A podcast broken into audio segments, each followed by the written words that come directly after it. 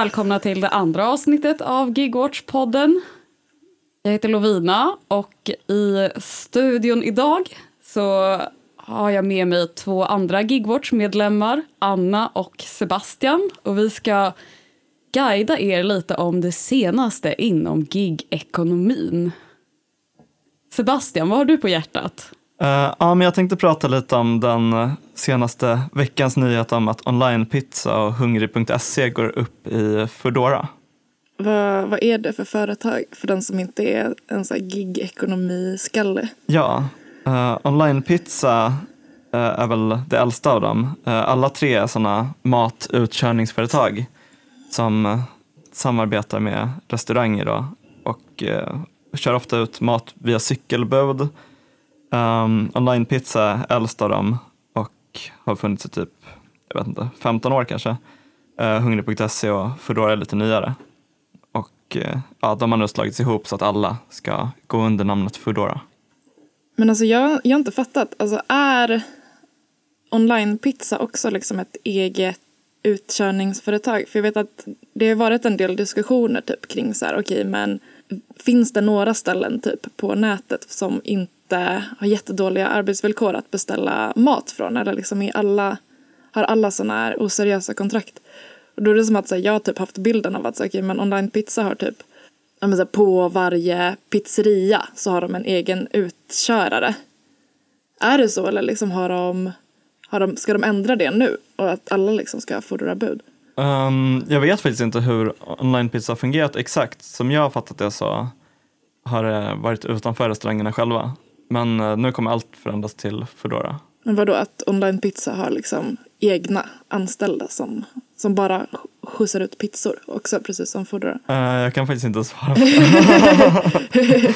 Där, journalistfråga, alltså politikersvar, det kan inte jag svara på.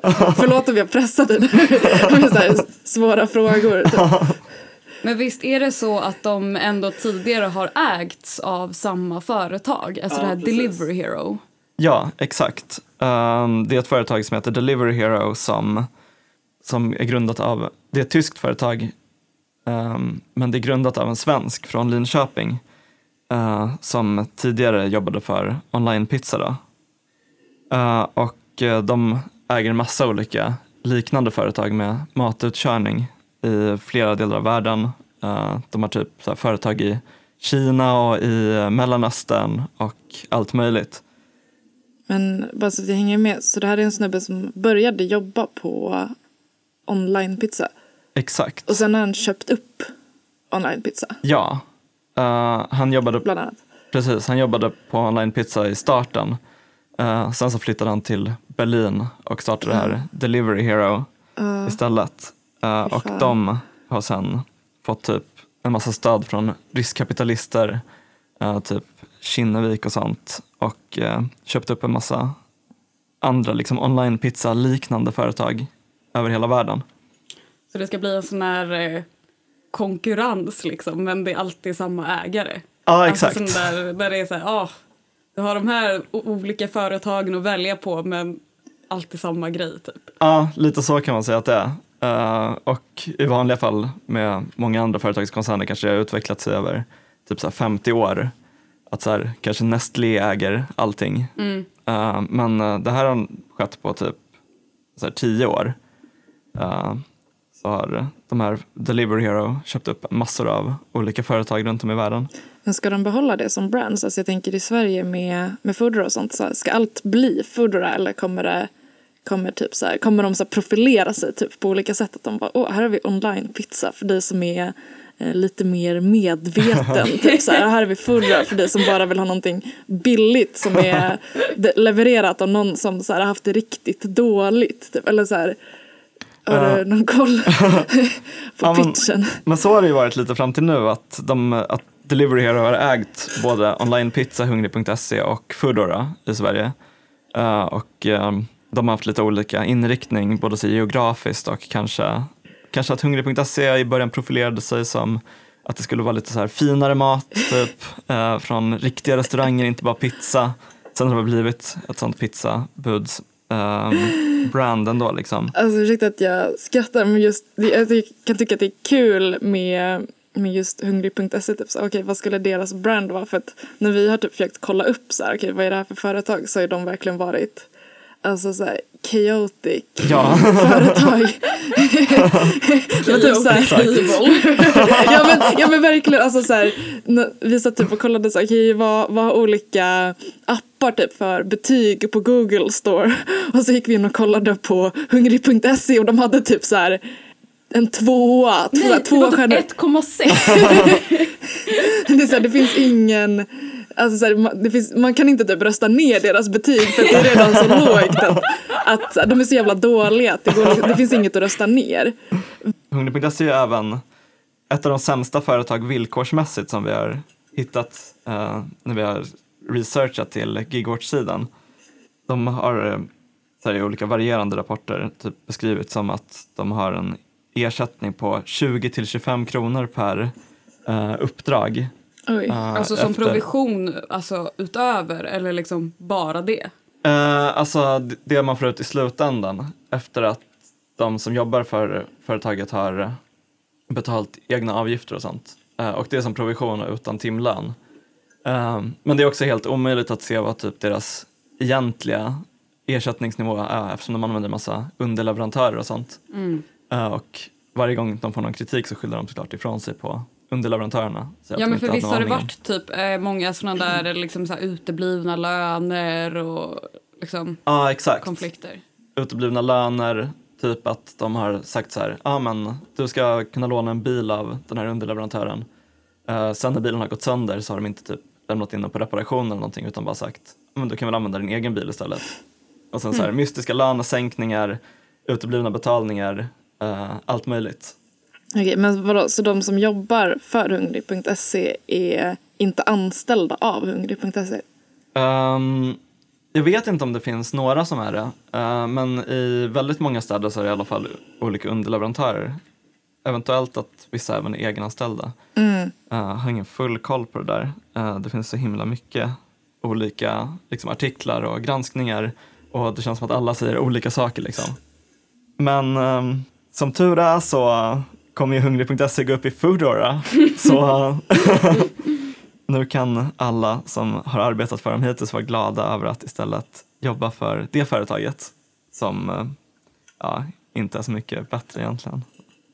Men alltså vad är grejen med hungrig.se? Är det att det finns på många orter i Sverige? Eller?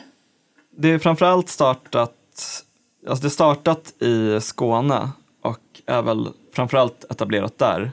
Okej. Eh, sen finns det även i typ Norrköping tror jag, även Umeå. Där har det varit lite olika granskningar av de här underleverantörerna också. Tidningen Transportarbetaren har skrivit mycket om det. Den här eh, hungrig.se-startaren kanske? Vem är hjärnan bakom företaget? Vi vill höra. Vem är hjärnan bakom det? Chaotic Evil. Eh, ja, men det grundades av eh, tre personer ehm, och den som fick eh, idén från början av dem var en eh, kille från Malmö, eller en man ska man kanske säga. Han är, han är väl 45, ser ut som, han har lite babyface, men, eh, men boomerhjärna kan jag säga. Ehm, han heter Henrik Jönsson och har drivit en massa olika IT-företag utomlands och i Sverige. Förutom att eh, driva de här företagen så eh, beskriver han sig även på det här sättet. I'm Henrik Jönsson, an independent Swedish self made entrepreneur and independent commentator on political and social issues. Entrepreneur. Exakt. men, men det här är alltså en kille som är från Malmö. Eh, ja, jag tror det. Han, uh, han snackar ju skånska och så. Ja, Eh, så han har lagt på en sån här accent i efterhand. Ja, precis. Jag kollade på lite äldre videos, där snackar han amerikanska. Sen verkar han ha bytt till någon brittisk accent för att kanske bygga sitt brand lite bättre. Vet Men var det inte. inte han som eh, hamnade lite i blåsväder på Twitter när han, eh, typ Sven-Erik Lidman, en eh, profilerad idéhistoriker, hade skrivit någon krönika i Aftonbladet typ om så här, ja, jag kommer inte ens ihåg vad det var om. Eh, och då så hade Henrik Jönsson taken att så här, ja, är det här det bästa vänster kan producera? eh, det är någon random gubbe med eh, Wordpress-blogg typ. Och försökte typ Sven-Erik Lidman har en gullig Wordpress-blogg. men är också Sveriges främsta idéhistoriker som alla som har läst något inom humaniora har haft hans böcker som kurslitteratur. Eh, ja men exakt. Um, Henrik uh, gillar ju att framställa sig själv som väldigt så um, bildad och eh, rik. Han, han, kanske vill framställa sig själv som någon slags, jag vet inte, adlig person. Han eh, håller mycket på med så här guldestetik och sitter i något bibliotek och eh, diskuterar eh, filosofi med Aron Flam kanske. Men är det, visst är det så att han har en YouTube-kanal där han producerar eget content? Ja, exakt. Um, han har en YouTube-kanal som han bland annat uh, har lyft fram att den är större än SVT. Den har fler tittare på YouTube. Um, ja, för men... att vem kollar på SVT på Youtube? För det är fråga sig. tv-kanal som har en egen plattform med SVT Play. Ja. Men vad är, det, vad är det han lägger upp på den här kanalen som är större än SVT? Ja, men han har lite blandat content. Han, um, han har en intervjuserie som heter Champagne med Henrik. Där han dricker champagne med olika profilerade uh, personer i den svenska debatten typ Katarina Janouch, den här um, sexologen och uh, barnboksförfattaren som är någon slags uh, fascist idag. Um, Malcolm Chiune. Okej, okay, så vadå, alltså han har en en intervjuserie där han dricker champagne med rasister. Ja, ah, precis. Um, den, den, börjar med, varje avsnitt inleds med att han sabrerar en flaska champagne med sitt svärd som har hans namn ingraverat. Dessutom med ett jättefullt typsnitt. men vadå, är det med såhär Comic Sans? Nej, men typ Ariel. Okej. Um, och uh, han har även uh, videos där han sitter själv och typ, ja men, uh, håller låda om olika ämnen. Typ att han inte gillar Stefan Löfven. Vadå, så han är youtuber och entreprenör och någon slags opinionsbildare? Uh, inom uh. alt-right-scenen. Ja, exakt. Han jobbar även för Svenska Dagbladet och uh, gör lite små videos. Um, han är även uh, rappare. wow, det här är en man med många strängar på sin lyra. um, han har gjort en rapplåt som är liksom uh, så 20 lager av uh, referenser till saker svenska gubbar på Twitter är arga över. Uh, men den tycker jag att vi tar och lyssnar på faktiskt. Absolut.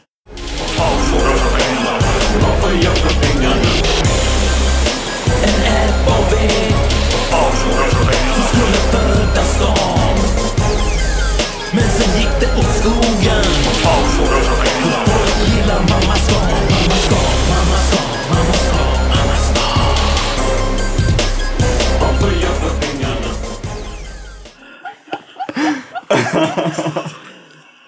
Okej, för, eh, för de som inte kunde se videon i den här podden, eh, kan vi beskriva vad det är vi har bevittnat? Ja, alltså Folk som säger att högern inte är bra på att producera kultur har inte sett den fantastiska musikvideon till den här låten som eh, ja, innehåller alla, alltså förutom att det är bara den här fantastiska låten och det är inte många som kan stoltsera med att de har Leif Östling med i sin musik. Det är nog bara han. Som är eh, inklippt till att så här, viska. Vad får jag för pengarna? Ja, ja okej, okay, alltså visst så här, det är samplat, men eh, ändå.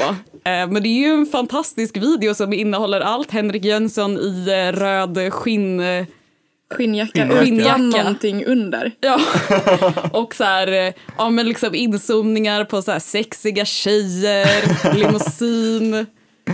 Så att vad fan får jag för pengarna antar jag att man man får en väldigt bra låt som eh, sätter fingret på problemet med skattetrycket i det svenska samhället. Verkligen. Bli entreprenör och starta sjuka företag så kan du också göra sjuka musikvideos, antar jag att budskapet är om du har uppbackning av Kinnevik och om du har uppbackning av riktigt stora pengar så du kan gå med förlust samtidigt. Mm, så man har råd att prodda sina egna musikvideos. För det som pengarna inte räckte till var uppenbarligen någon som typ gjorde musiken. Eller någon som sa stopp. Det räckte inte till någon som satte ner foten.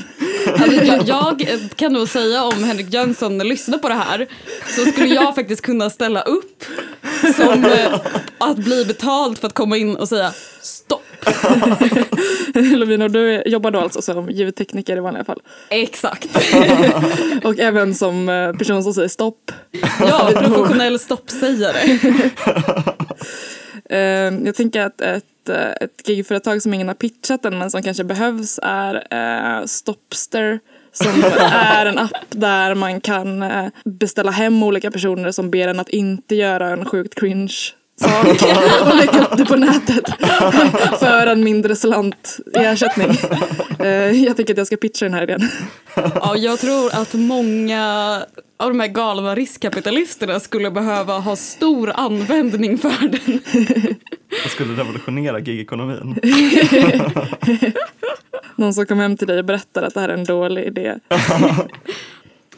Okej, Anna, vad har du på hjärtat? Ja, eh, jag tänkte prata lite om USA. För vad vore vi utan att spegla oss i vad som händer där borta. Eh, Sant.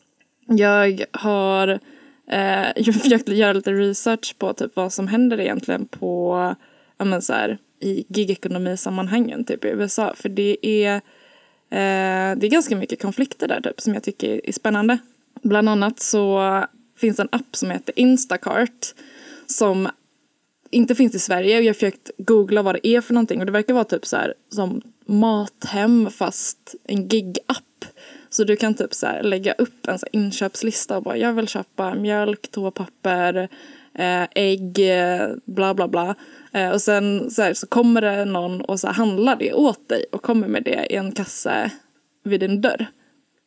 Alltså jag, jag har inga ord för att beskriva min reaktion på det här. Eller alltså så här, det finns ju i Sverige också. eh, Men då är ju det men, så här, olika, men, alltså själva matbutikerna typ som erbjuder det som någon form av tjänst. Men här är det liksom, alltså det de i USA kallar independent contractors. Alltså eh, egenanställda eh, som, som utför de här jobben. Så de är liksom inte anställda av Instacart utan de, eh, de får ersättning per utfört uppdrag. Men det är väl det som, det som vi kallar gigjobbare i Sverige, liksom, att man bara tar uppdrag i appen. Ja, precis. Det är väl den liksom typiska bilden av vad ett, vad ett gigjobb innebär. Liksom, att man tar ett, ett uppdrag i taget typ, och bara får ersättning för det. Men Mathem är inte ett, eh, de har inte den modellen i Sverige. Nej, Utan det tror är jag det- inte. Alltså inte för att jag... Nu tar jag avstånd från alla frågor. Jag har inte använt Mathem. Eh, eh, jag vet inte exakt hur de funkar men jag gissar att de så här, har folk som kör ut. Mm. Eh, liksom som är anställda av dem. Typ som bud eller något sånt. Får vi hoppas, annars kanske vi granskar dem i nästa avsnitt. Ja, precis. Om det är någon som har hört något annat kan ni ju mejla oss på gigwatch.se gmail.com eh, så kan vi kolla på den saken. Men poängen är i alla fall att så här, Instacart är typ som så här Foodora fast för filmjölk typ.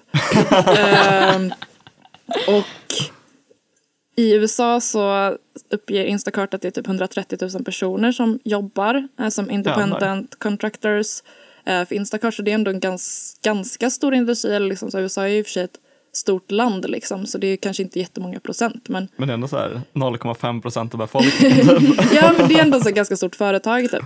Eh, och, och eftersom det är USA så är ju tyvärr allting väldigt så här, dricksbaserat. Typ. Så att mycket av den här konflikten har också grundat sig i vad det finns för dricks. För det, det som har varit tidigare är, som jag har förstått det, att när man jobbar för Instacart så, så här, då kan man ta ett uppdrag. Man kan se liksom vad det är som ska köpas och vart det ska skickas. Och sen kan man se hur mycket personen vill betala för det. Och personen som betalar för uppdraget kan också välja att dricksa. Eh, och tidigare så har appen föreslagit att man ska dricksa ett 10-procentigt påslag på ersättningen. Eh, men nu har de sänkt det till 5 procent. Och det här är ju ingenting som, alltså så här, det är ju inte Instacart som betalar den här summan. Utan det är ju det är de som köper de här uppdragen. Men, eh, men enligt användarna så har det påverkat så här, hur mycket de tjänar eh, väldigt starkt. Alltså, de, de får mycket mindre pengar när den föreslagna dricksen sänks. Men man Eh, dricksar alltså direkt i appen. Det är inte att man så här, ger cash som på en restaurang. Liksom. Nej precis, utan man Okej. dricksar, man, det finns en liten dricksknapp typ och så kan man så här ställa in typ hur mycket man vill dricksa. Eh, men så grejen det, det de har gjort är att de har gått ut i strejk i appen. Vilket är ganska spännande. Eller så här, en vanlig invändning när man pratar om gigekonomi är just så här, åh men det går ju inte att strejka. För de är ju inte anställda av något företag.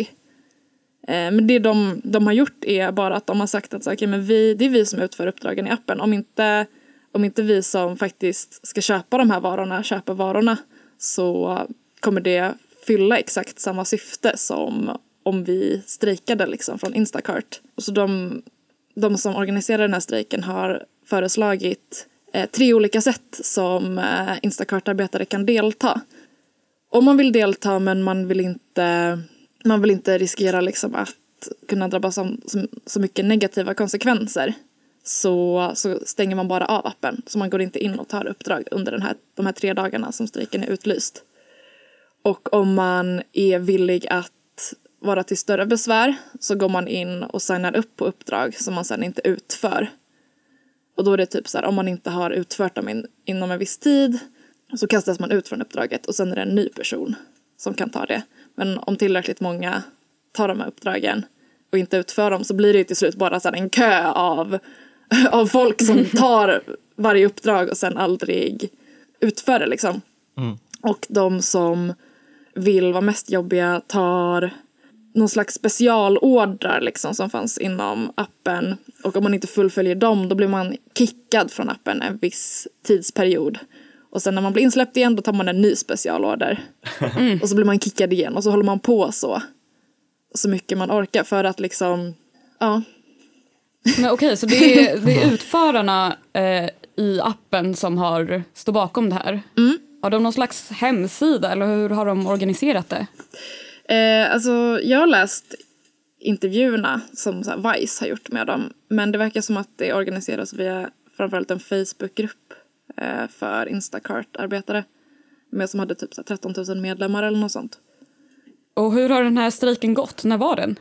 Jag tror att den var i början av november kanske, så att det inte är så länge sedan. Eh, men den, den har inte gett effekt hittills verkar det som, utan tvärtom så verkar Instacart ha tagit bort hela möjligheten att dricksa. Oj.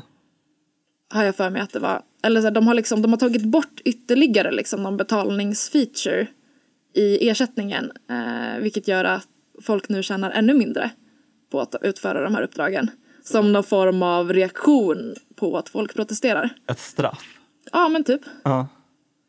Oj, det är grovt alltså. Ja, det är ganska grovt. Också ganska sjukt kan jag tycka med tanke på att alltså, grundkravet är ju inte att Instacart ska betala mer till sina, alltså så här, de som egentligen jobbar åt dem. Eh, vilket så här, också hade varit rimligt för att det verkar som att typ lägsta, lägsta ersättningen förut på Instacart har varit typ en dollar per uppdrag. Alltså den är jättelåg. Eh, Men så deras krav är liksom inte ens vi vill ha mer betalt av Instacart utan deras krav är Instacart får gärna be de som betalar oss att ge oss lite mer extra frivilligt. Och Instacart bara nej, nej. Men vadå, alltså det är så en dollar för att gå och liksom köpa, köpa mat åt någon? Ja, alltså för att gå och handla liksom. Alltså, Det måste jag- vara så otroligt dålig timlön liksom. Ja, det är ju fruktansvärt dåligt. För det var också en av dem de intervjuade i, men som är med och organiserar den strejken, säger just det att eh, alltså de här gigföretagen, så man tjänar så lite i dem att man, man fastnar liksom i en cirkel av att, av att behöva jobba jättemycket för företagen för att få ihop pengar. Men man, kommer, man lyckas aldrig spara så mycket att man kan skaffa ett annat jobb. Så det blir liksom en ond cirkel av gigjobb bara. Gud, så det är ju verkligen, eller alltså när man tänker så här USA så, eller jag tänker i alla fall liksom att de har ju här sjuka så här minimum wage jobb som man liksom så här, man jobbar heltid och man har ändå typ inte råd med någonting och att liksom folk bara harvar runt i det där och typ har flera minimum wage. Mm. Eh, men det här är liksom, Ja, det här är ju under minimum wage. ja, det här är liksom en eh, next level av det och bara ännu, ännu värre. Och en grej som jag tror också utlöste protesterna från början var att Instacart försökte ta bort dricksfunktionen helt och ersätta den med en service fee, alltså en serviceavgift som gick direkt till företaget men som såg ut att vara en dricks. Oj. Så att folk typ så här trodde att de dricksade eh, Instacart-jobbarna men istället så, så här, betalade de typ så här frivilligt extra pengar till Instacart. Hur mycket tar Instacart av ersättningen för, för arbetet nu då? Jag vet inte riktigt. Jag tror att de nu har de en service fee som ligger på 10% av, av det inarbetade. Ja. Eh, Men, men jag vet inte om de tar något utöver det. Men vem är det som sätter ersättningen? Alltså är det typ som att jag liksom lägger upp en annons och bara hej, kan du gå och handla ägg åt mig för 10 kronor då? då? Eller? eh, Alltså, som jag har förstått det så verkar det som att det kanske att det finns någon så algoritm typ som beräknar det utefter hur mycket som ska handlas typ och så här, hur långt bort det är. För det verkar inte som att man kan sätta det helt efter eget huvud. Och jag vet inte om det är bra eller dåligt. Eller liksom, för det känns som att man stöter på i olika appar. Vissa har ju men så här, låst att så här, det är så här mycket får du i ersättning för ett sånt här uppdrag. Och i andra appar är det typ så här, lite vilda västern. Typ att så här, folk, folk kan antingen så här att de, de som vill ha något utfört kan så här, säga jag, jag vill att ni ska göra det här för 100 kronor. Eller så 50 kronor. Eller typ att, vilket ju, det är väl det värsta egentligen, de, de appar där, där man kan lägga bud Ja. på, på hur lite betalt man vill ha.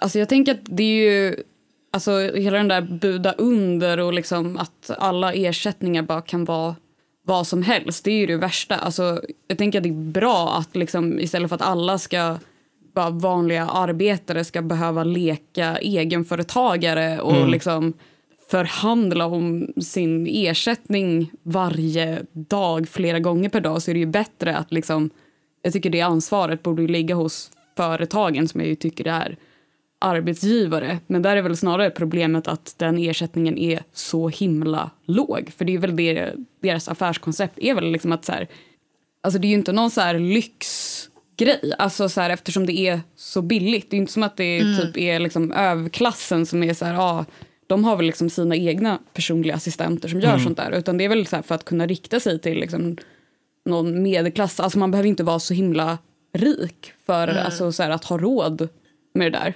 Nej, det känns ju väldigt mycket som en liksom, eh, idé som återkommer eh, när man läser om de här företagen. Att de typ, ja ah, nu kan även medelklassen beställa hem en um, tallrik med sushi. Ehm, Och det kunde man inte innan för då kunde man inte gå och Ja. köpa den.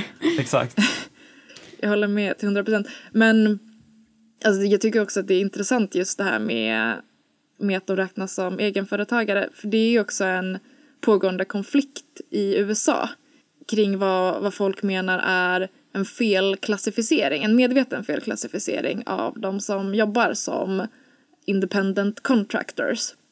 Men jag tror att det är i Kalifornien typ som det är någon slags juridisk process just nu kring att Uber, Lyft, Instacart, en matleveransapp som heter DoorDash som är typ som Foodora gissar jag, att alla deras arbetare kanske kommer räknas som anställda om det här lagändringen eller lagtolkningen går igenom. Den skulle innebära att det här påståendet om att de är independent contractors är en medveten felklassificering från företagens håll.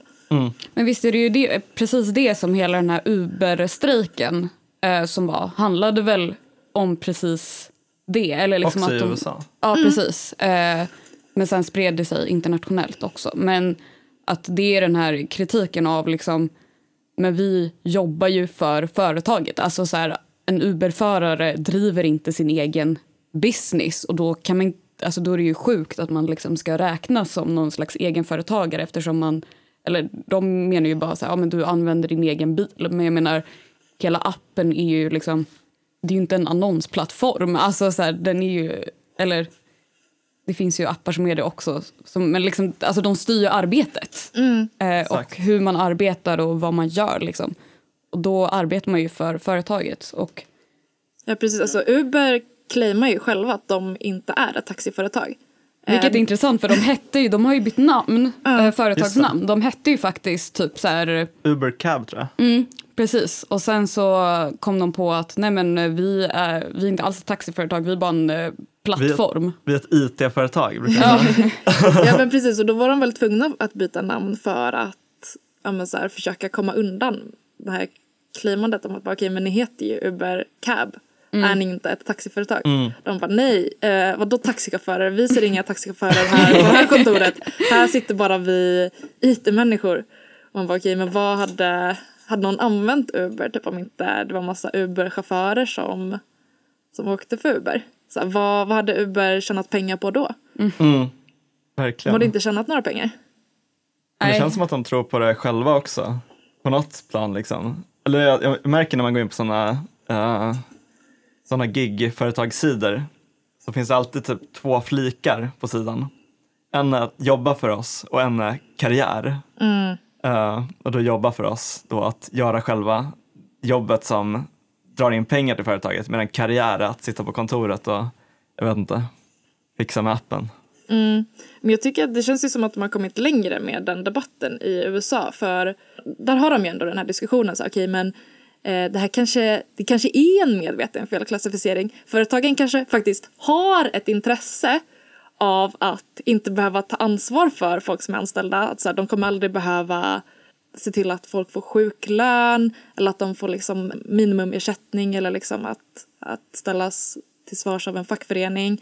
Eh, alla sådana saker som på, ja men det, så här, det finns juridiska regleringar till, kring om man är en arbetsköpare. Alltså de kanske, det kanske inte bara är att de eh, tycker att de är ett IT-företag utan det kanske är att de faktiskt har det här som medveten idé för att slippa. Ja, alltså, slippa ansvaret liksom som arbetsköpare.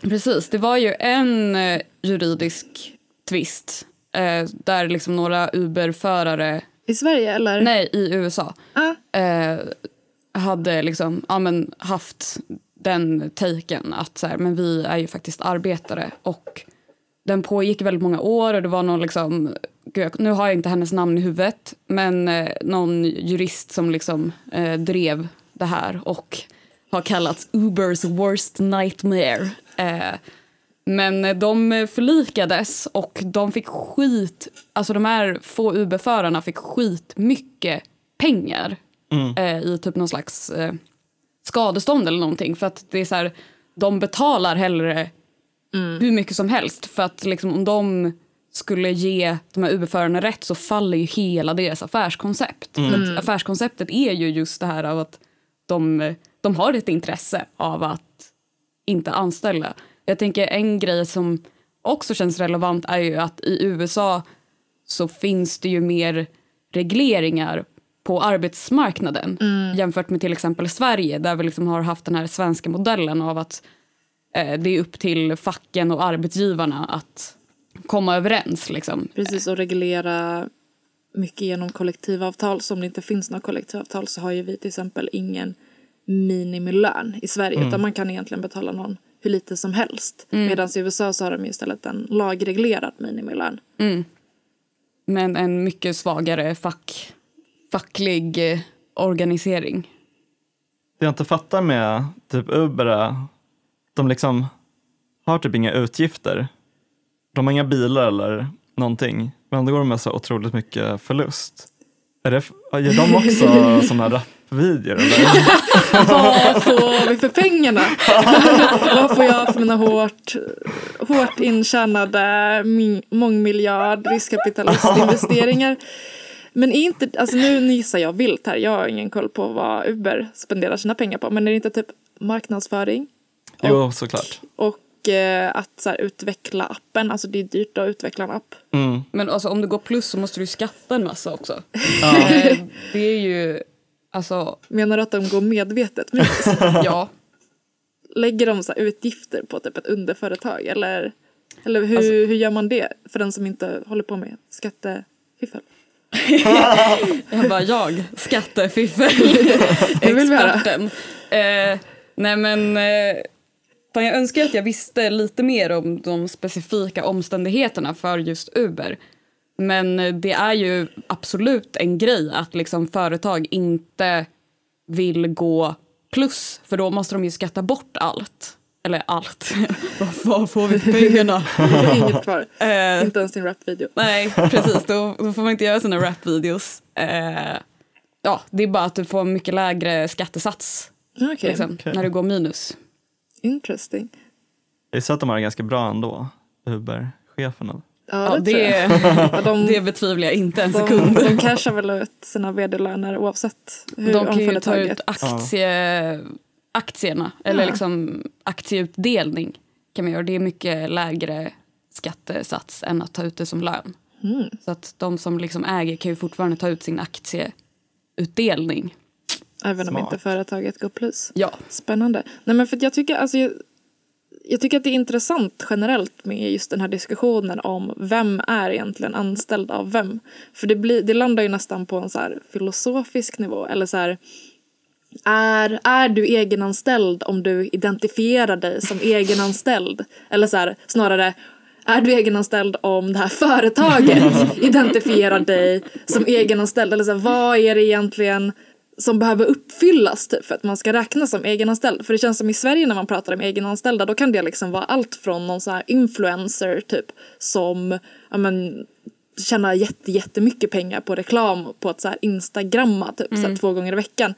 Eller så kan det vara någon som eh, ja, men, så här, knappt går runt på att samla voice men båda de är så här independent, flexibla arbetare i den nya urbana arbetsmarknaden. Ja, alltså det är ju så himla mycket som ryms inom det där. Även liksom att, då tycker jag ju att man, alltså om man liksom jobbar, alltså typ så här programmerare jobbar ju ofta på någon liksom slags konsultbasis. Att liksom företag tar in dem för enskilda uppdrag. Och då är man ju också egenanställd, eller liksom då driver man ju sin egen business på att man liksom inte tjänar så dåligt. Eller så här, och ordet gig-ekonomi kommer ju från musikervärlden, liksom, att man tar musikgig eller liksom bara ett gig åt gången per kväll. Men då tycker jag att det är en skillnad där, då driver man ju faktiskt sin egen business. Eh, det gör man ju inte om man jobbar i en app för appen. Nej men Exakt. precis, för då har man ju verkligen inga, man har egentligen inget utrymme för att ja, men, så här, styra över sin egen arbetstid, styra över liksom, så här, sina egna arbetsvillkor på det sättet som man kan göra, eh, ja men typ om man är, vad säger man, riktig egenföretagare eller något sånt. Alltså om du jobbar typ för Furra eller för TipTap eller något sånt, alltså du kan ju bli avstängd från appen. Eller liksom så här, arbetsbefriad liksom, när det inte finns eller bara så här, av ingen anledning typ. Alltså de behöver inte motivera det. Och det finns ju oftast mycket, ja, men så att, att appen typ har satt upp regler för hur, hur arbetet ska genomföras. Mm. Det, ju, det kan man ju inte styra över själv och det som är intressant är väl så när, när de som jobbar åt appen ändå går in och bara hej, eh, okej, det här med dricks, alltså så här, hur, ni, hur ni har utformat funktionen för dricks påverkar hur mycket pengar vi tjänar. Och då, då vill vi kunna vara med och säga vårt i, i hur, hur den funktionen ska vara utformad. Att så här, det finns ju ändå ett behov av det för att så här, det, är, det här är inte någonting folk gör typ så här, ideellt för att de tycker att det är ja, men så här, de, de vill göra världen lite bättre, typ och så här, vara snäll, typ och så här, hämta folks sopor eller så här, köpa, handla mat åt folk. Alltså, ju- Välgörenhetsarbetet att gå ut med andras sopor. Ja men precis, det, är ju, alltså, så här, det här är ju liksom ett sätt att försörja sig bland andra. Ja, Mm. Om man ska vara krass. Och också en skillnad såklart mot att jobba som någon slags eh, IT-konsult. Att det faktiskt är ett företag som liksom tar en viss procent av ens, av ens lön. Serviceavgiften. Ja, Men det, är- exakt. eller så här, det är väl. Det gör väl alla företag egentligen. Alltså det är väl en så typisk grundläggande så marxistisk eh, så synpunkt typ att eh, när du arbetar åt ett företag så producerar du ett värde. Och en del av det värdet stoppar företaget i egen ficka. Det är deras vinst. Men det blir väldigt tydligt i frågan om Uber. Alltså det blir inbakat. Eller så det blir inte inbakat på, på ett annat sätt liksom. Än, än om man jobbar typ för så här, den här eh, brödfabriken. och så, så ser man inte hur mycket brödvärde man skapar. Medan när det är så här, okej men den här personen har payat 100 spänn för att du ska hämta dens sopor men du får bara 80 kronor av de pengarna. Då blir det ju väldigt tydligt att så här, okej men här har vi en del av kakan som bara så här, åker direkt ner i företagets ficka. Ja, jag tänker att Verkligen. liksom den här eh, mervärdesidén, som det heter, eh, tror jag, eh, det blir ju så himla mycket grövre och typ tydligare liksom, i de här eh, låtsas egenanställningssituationerna. För det är väl liksom, vi kommer ju liksom också från ett håll där så här, vi kanske inte tycker att så här, ah, det perfekta är att eh, anställningarna som de är nu är helt perfekta. Liksom. Alla ska Eh. jobba på brödfabriken. Ja men precis, alltså så här, vi har ju ändå liksom någon slags eh, idé också om att liksom chefer och vd tar liksom det här mervärdet från arbetarna. Men eh, i de här gig-situationerna så blir det bara så himla mycket tydligare och typ värre. Ja men det blir väldigt mycket så här äta kakan och ha det kvar. För att om du jobbar åt ett företag så är det ändå så här okej men då får du typ så här sjuklön, det här företaget ska försäkra dig, eh, du eh, men så här, har rätt typ till olika, men så här, kanske OB, eh, det finns så här, olika juridiska regleringar för att företaget behöver ta ansvar om du skadar dig på något sätt. Pension, semester, Eh, och de måste ju också stå för typ så här att du ska ha en arbetsplats och att du ska ha verktyg typ för att utföra ditt jobb. Eh, men på gigföretagen är det så här, de står ju, de tar ju inte ansvar för någonting. De har ju inte, de, de har ju liksom inte behövt gå in med någon slags, men, några pengar typ Exakt. för att så här, investera i att det här jobbet ska kunna bli utfört. Det är ju, det är ju den personen som utför uppdraget som får ta hela det ansvaret själv. Använda och serva sin egen bil liksom. Ja, men använda och serva sin egen bil, stå för bensin och slitage och liksom eventuella andra arbetsverktyg. Och sen kommer de ändå in och bara, ah, fint att du har utfört ditt jobb. Eh, nu ska vi ta vår serviceavgift på det. För att de har liksom tillhandahållit en eh, plattform. Ja, en algoritm. Uh, om, man ska ge, om man ska ge gig-ekonomin någonting så är det att den på ett väldigt liksom, pedagogiskt sätt förklarar hur kapitalismen fungerar. Vadå att den inte bidrar med någonting utan bara parasiterar på andras arbete. Exakt. Bam! Eh, Men så en annan, ett annat sammanhang där det blev väldigt tydligt att så här, det, det finns en mellanhand som typ inte tillför så mycket som tjänar pengar på dig är ju om man är typ bemanningsanställd. Eh, så jag har jobbat som vikarie förut. Och då var det ju så här, men jag kanske tjänade så här 120 kronor i timmen. Eh, men jag visste att det här företaget som typ så här hyrde ut mig till olika arbetsplatser tog ju typ dubbelt så mycket betalt för den tjänsten jag utförde. Eller så här, om, om man jobbar med läxhjälp så, så är det ju samma. Då, då kanske familjen som betalar för läxhjälpen betalar 500 kronor i timmen. Eh, Men jag får bara 140 kronor i timmen. I bästa fall eller liksom 110 kronor i timmen. Ja, men de där pengarna, resten av pengarna hamnar någon annanstans. Ja, jo men alltså exakt. Jag tänker också typ, eller bara apropå det här med eh, ansvarsförflyttningen kanske man kan kalla det.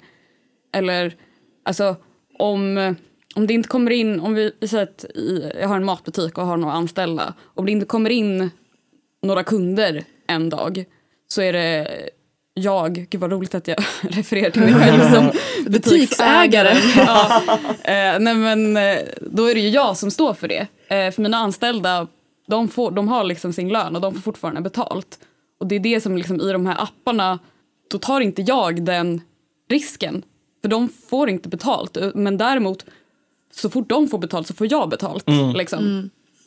Precis, och du, du har liksom en standby arbetsstyrka som alltid finns till förfogande men som du inte behöver ta ansvar för när de, inte, när de inte behövs. Mm. Typ, jag vet TipTap skryter ju med att det tar det i genomsnitt 20 sekunder eh, att få svar på en annons som man lägger upp där. Alltså det är ju verkligen ingenting att skryta med. Det tycker jag också är så himla märkligt att det är så här, ja, alltså så att folk sitter så himla redo och hungriga liksom efter att få lite inkomst att så här på 20 sekunder, alltså det är helt bisarrt. Mm.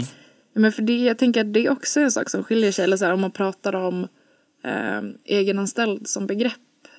Vilka alltså så här, vad som skiljer sig mellan någon som jobbar som typ programmerare eller musiker versus någon som är egenanställd men så för att lämna ut mat. Typ att, så här, att, att vara egenanställd innebär ju då att så här, då, då har man liksom inget arbetarkollektiv som, vad fan ska man säga, Ehm, Inga Ja, men så här- fasta kollegor. Nej, precis, man, man har inga fasta kollegor eh, och när man är egenanställd så, så är det ju på något sätt att man, man hamnar lite i en så här konkurrenssits gentemot andra eh, som jobbar med samma sak.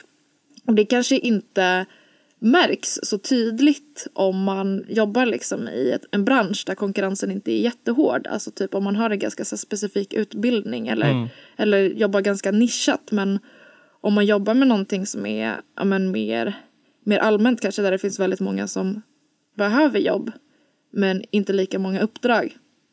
Då, då blir ju konkurrensen väldigt tuff.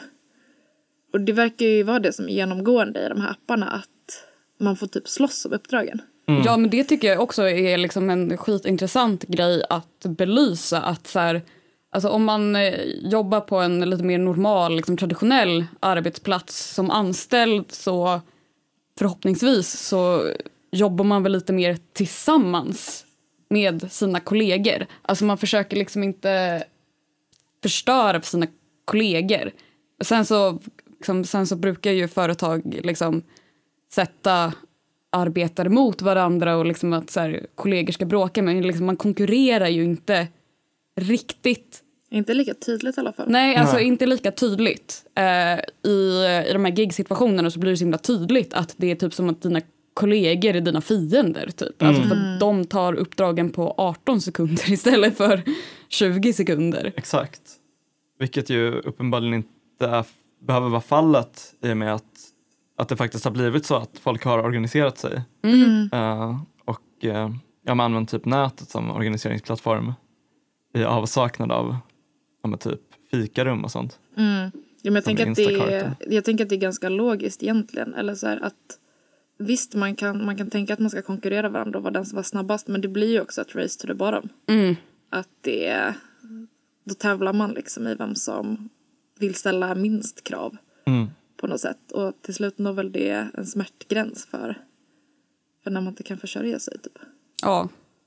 Och så. Men eh, Lovina, hade du någon take du ville göra? Ja, det publicerades en artikel i eh, tidningen Flamman eh, häromdagen eh, med rubriken Låt inte övergrepp bli ännu en gigbransch. Håll halliktjänsterna borta. Eh, och då kanske undrar ni, vänta, va? Eh, och jo, det är så här att eh, gigekonomin har även eh, bredit ut sig till eh, liksom, prostitution. Ja, jag, jag, jag citerar från eh, artikeln här. Jesper Antonsen, det är en riktig entreprenör det. Han behövde bara slänga ett öga på datingappen Tinders koncept.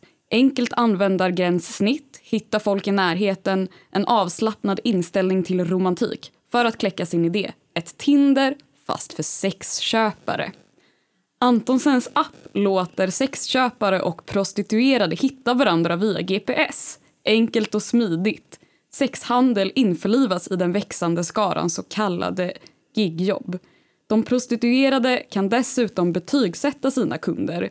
På hemsidan skriver företaget att detta garanterar att ingen ska behöva utsättas för våld eller förnedring av en och samma torsk mer än en gång. Ja, men då så. Vad Jesper Antonsen har uppfunnit är helt enkelt en hallick. Mot en del av den prostituerades vinst erbjuder han att skapa kontakt med sexköpare och ge något slags rudimentärt skydd. Eh, och då tänker man ju, vänta lite, det här med koppleri, alltså att eh, ja, hallickverksamhet, det, det har vi ju lagstiftning Ja, emot. det är ganska olagligt. Ja, det är väldigt olagligt. Eh, men på något sätt så lyckas den här eh, tjänsten eh, inte falla under kopplerilagstiftningen för att servrarna eh, är placerade utomlands. Den här appen är, den är startad av en kille från Danmark men, eh, och det är där företagets bas är. Men den finns alltså i Sverige där vi ändå har den här liksom, eh, sexköpslagen. Att det, det är förbjudet att köpa sexuella tjänster och det är förbjudet att förmedla och liksom tjäna pengar på att någon annan säljer sexuella tjänster. Men på något sätt så har eh, de lyckats undkomma det. Mm. Eh, Jag, ty- jag kan tycka att det säger en del om vad det är för bransch också. Att selling point med appen är att så här, åh, den erbjuder någon form av säkerhet för den som säljer sex. För att det man, det man frågar sig är inte som typ så här, när man ska hämta sopor. Så här, åh, är det en smidig app? Kan jag tjäna okej med pengar? Så här, är den, finns det många uppdrag? Utan så här, finns, finns det en risk att jag kommer utsättas för våld av den jag köper en tjänst av? Ja, ja men verkligen. Och eh, jag tog en lite närmre titt på den här Jesper Antonsen som är en Otroligt dansk, ja, dansk 34-årig småbarnspappa. Härligt. Eh, ja, och eh, han har gjort eh, lite intervjuer och där säger han att han själv liksom har köpt sex och liksom berättar om sina bordelläventyr och Så han är, han är inte en kille som eh, själv säljer sex. Nej, han är en torsk. Han är en Eh, torsk. Så alltså, han, han hade nog liksom, eh, typ citatet var bara, det var inte som att jag planerade att åka till Östeuropa för att köpa sex, men det hände ändå. Eh, Som det blir. ja, eh, och nu så har han alltså från en liksom torsk point of view, typ jag vet inte, kanske tyckte det var lite jobbigt att liksom leta prostituerade. Eh, så då skapade han en app för det och liksom ska försöka ja, men försöker framea det liksom som att det här är för eh, de prostituerades skull. Liksom. Men det är ju tydligt att, så här, att han själv liksom är torsk och bara vill göra det enkelt för sig. Någon slags woke hallick typ. Ja, alltså, ja men alltså någonting sånt. Jag vet inte, det här är så mörkt så att jag liksom...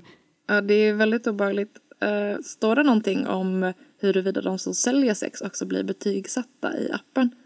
För det är ju, som jag har hört, men så ganska vanligt typ om man läser i Flashback-trådar och sånt att uh, sexköpare recenserar liksom de de har köpt sex av. Och då är det väldigt så här, det de är intresserade av är typ så här, ställer hon upp på vad som helst? Så här, om hon säger nej, om hon så här, gråter, om hon eh, inte verkar vara jätteglad och jättehärlig i hela den här situationen och allt jag eh, kräver av henne, då, då får hon ett dåligt betyg.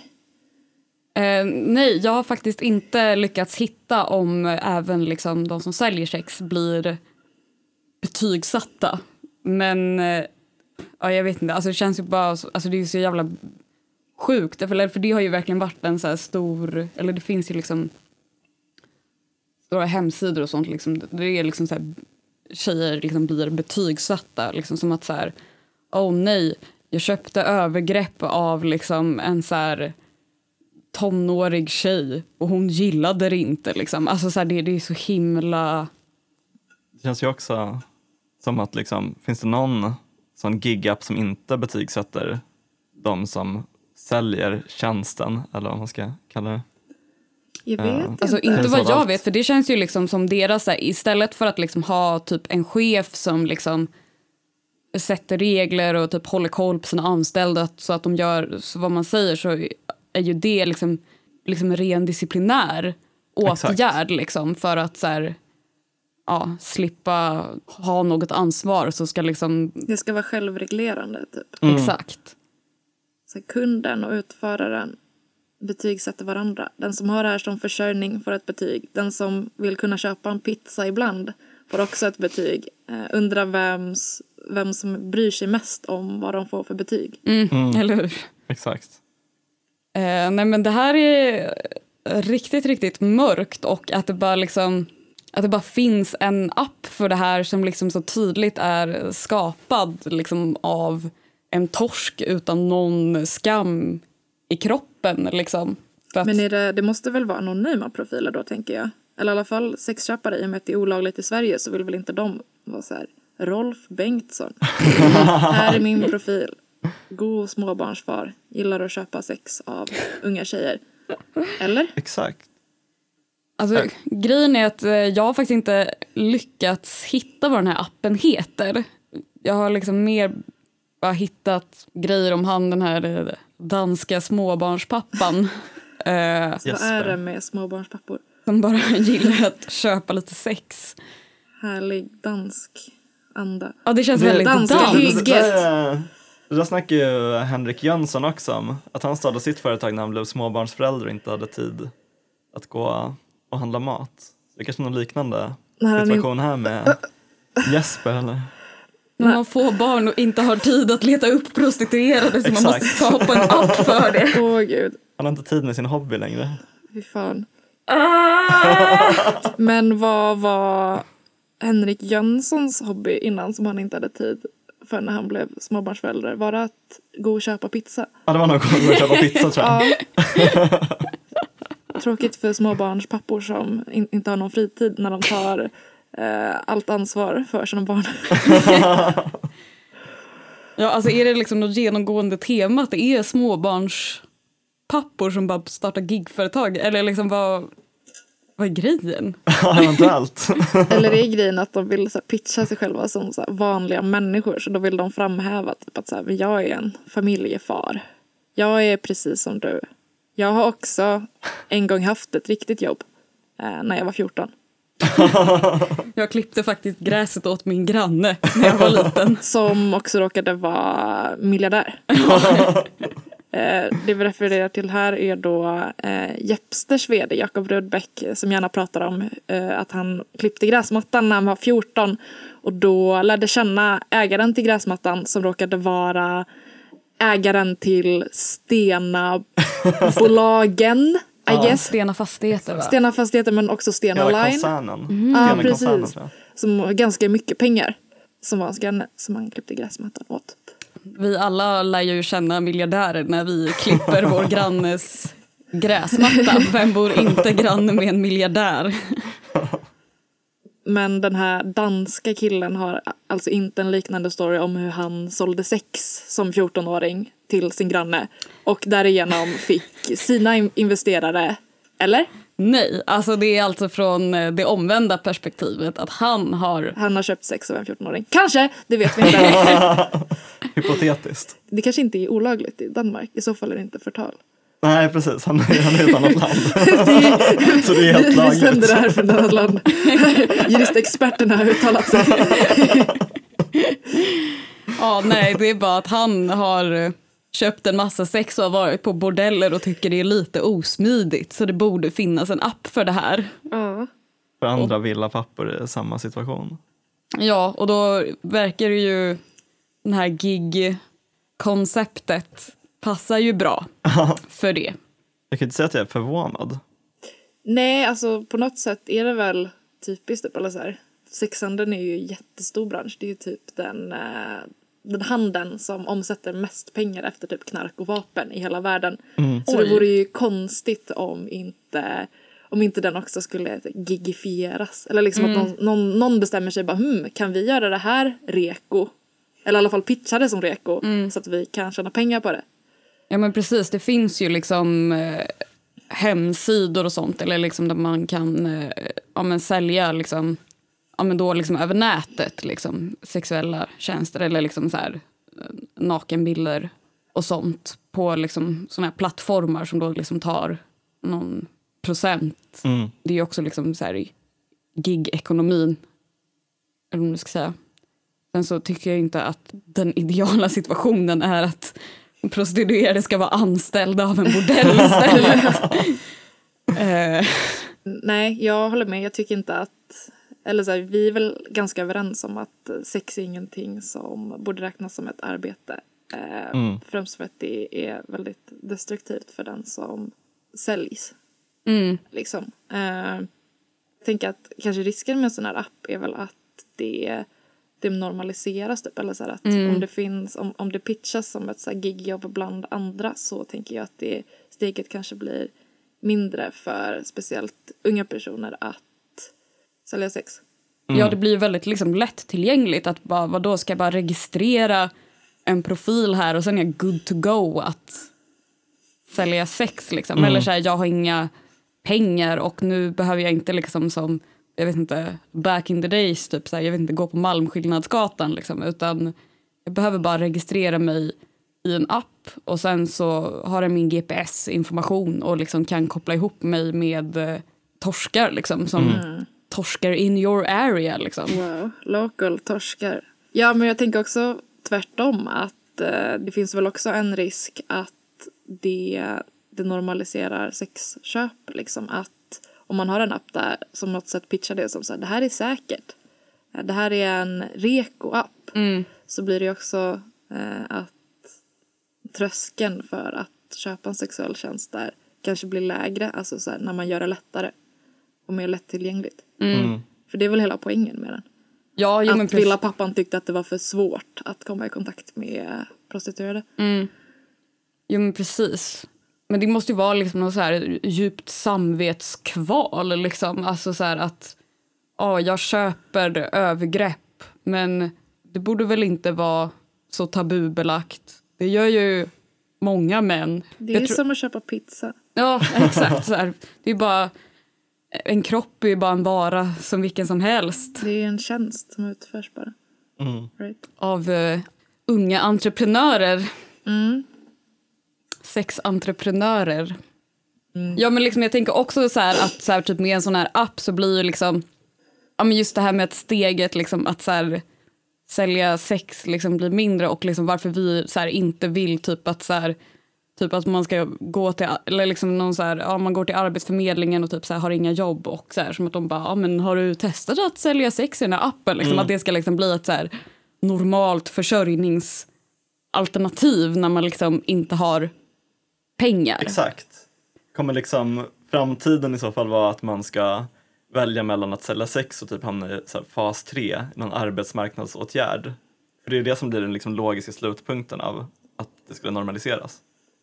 Alltså det som är så jävla tydligt tycker jag generellt med att just att eh, sexhandel inte är som så här, vilken bransch som helst är ju att så här, the selling points för men så här, vad säljarna vill ha är ju inte typ så här, åh, jag vill ha snabb service, jag vill ha min pizza snabbt, utan det är ju typ så här, eh, jag vill att hon ska gå med på vad som helst.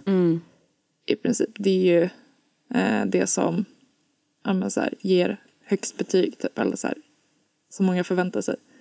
Eh, man betalar för att någon inte ska säga nej och om de ändå säger nej till någonting så, eh, så får man ett dåligt betyg. kanske. Här känner jag att jag vill komma in som stoppster. Min Vadå, att det är en dålig idé? Ja, jag tycker det är en skitdålig idé. Och jag vill bara marschera in med en stor stoppskylt den här jävla dansken och liksom säga alltså lägg ner. Och jag vill gå hem till alla torskar och säga ja, alltså stopp, alltså så här, det här är helt sjukt beteende och en app, alltså ni kan inte framea det här som att det är liksom något normalt, eh, eller normalt som i att det är vanligt förekommande är det ju, men liksom normalt som i, Men det är också så sjukt att så här, en torsk pitchar en app som så här, åh, det här är en app som gör att de som säljer sex eh, är lite mer skyddade från oss Ja. som köper sex. Vilken bra kille jag är. Då har man ju på något sätt förstått grundproblemet. ja. Och sen bara, hur kan jag tjäna pengar på det här? Nej, alltså det, är- det är så obegripligt mörkt tycker jag. Alltså så här, just att det är liksom att han själv bara typ så här, ja det var så krångligt att köpa sex. Mm. Vad tur att jag kommer att göra det lite enklare. Make it easier. Men jag tänker alltså, det här är ju en liten annan diskussion för att jag tänker att eh, diskussionen om sexköp handlar inte så mycket om så här, etisk konsumtion. Eh, men jag, det känns, alltså så här, för frågan om etisk konsumtion känns som att den dyker upp ganska ofta när man pratar om gig-appar. Att folk är så här, okej men, men finns det någon app som är så etisk att använda? Alltså vad tänker ni om sådana frågor? Men det känns som att det är liksom så här efterdyningarna av Alltså liksom under 90-talet och typ så här hela den eh, vänsterrörelsen och liksom eh, antiglobaliseringsrörelsen som mest landade i liksom att så här, det kom fram liksom Fairtrade-märkning och liksom så code of conduct, alltså att företag typ ska vara snälla grejer som sen liksom visat sig typ i princip helt verkningslösa.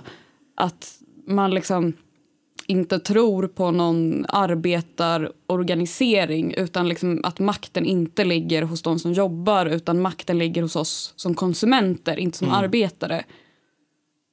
Och att det liksom, ja, mer bara blir liksom en tydlig sån förflyttning. Sen så visst, jag, alltså jag tänker inte åka med Uber eller liksom, jag tänker skamma de som gör det. eh, men eh, alltså att tro typ att här, man ska få bättre villkor genom att jag köper från typ den här taxitjänsten som typ så här, tar lite mindre procent än så här. Mm. Det, det känns bara som att man har förflyttat hela den grejen och det känns ganska löjligt typ. Ja, jag håller med. Jag tänker också på det, alltså just det du säger med att den frågan ställs typ utifrån någon slags syn på sig själv, framförallt som konsument, snarare än någon som också berörs av gigekonomin. Att så här, man ska inte vara emot typ Uber för att så här, de, de tendenserna, eller så här, den arenan liksom som Uber eh, banar väg för eh, innebär att hela, alltså så alla sektorer kommer få sämre arbetsvillkor att så här, de, de, de sätten att försämra villkoren som Uber prövar kommer andra företag sen härma. Och ja, men så här, specifikt taxibranschen försöker ju Uber liksom slå ut så att de ska kunna få monopol och liksom lönedumpa efter eget huvud. Men att man ser liksom inte kopplingen att så här, okej, de här företagen är dåliga för att så här, det hänger ihop med mina arbetsvillkor. Utan det blir något så här, ja, men väldigt så här konsument.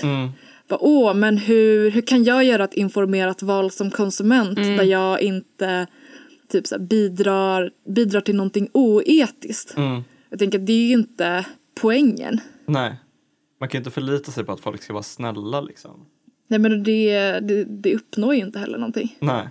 Det där tycker jag är skitviktigt, liksom, att så här, speciellt eftersom som vi liksom ser det, vi ser det ju liksom som att så här, vi pratar ju om en gigifiering eh, där liksom fler och fler branscher liksom bara okej, typ istället för att ha anställda så kan de typ fakturera oss liksom. Fast liksom man är, jobbar på samma ställe och man har deras liksom så här namnskylt på sig när man jobbar där. Jobbar man inte för dem då? Och att det är, liksom, det är ju jätte, jätte utbrett. Men att det liksom reduceras till någon så här, ja, nu har jag just inom den här branschen som jag inte jobbar inom eh, men som jag liksom har konsumerat så har jag lyckats konsumera smart typ.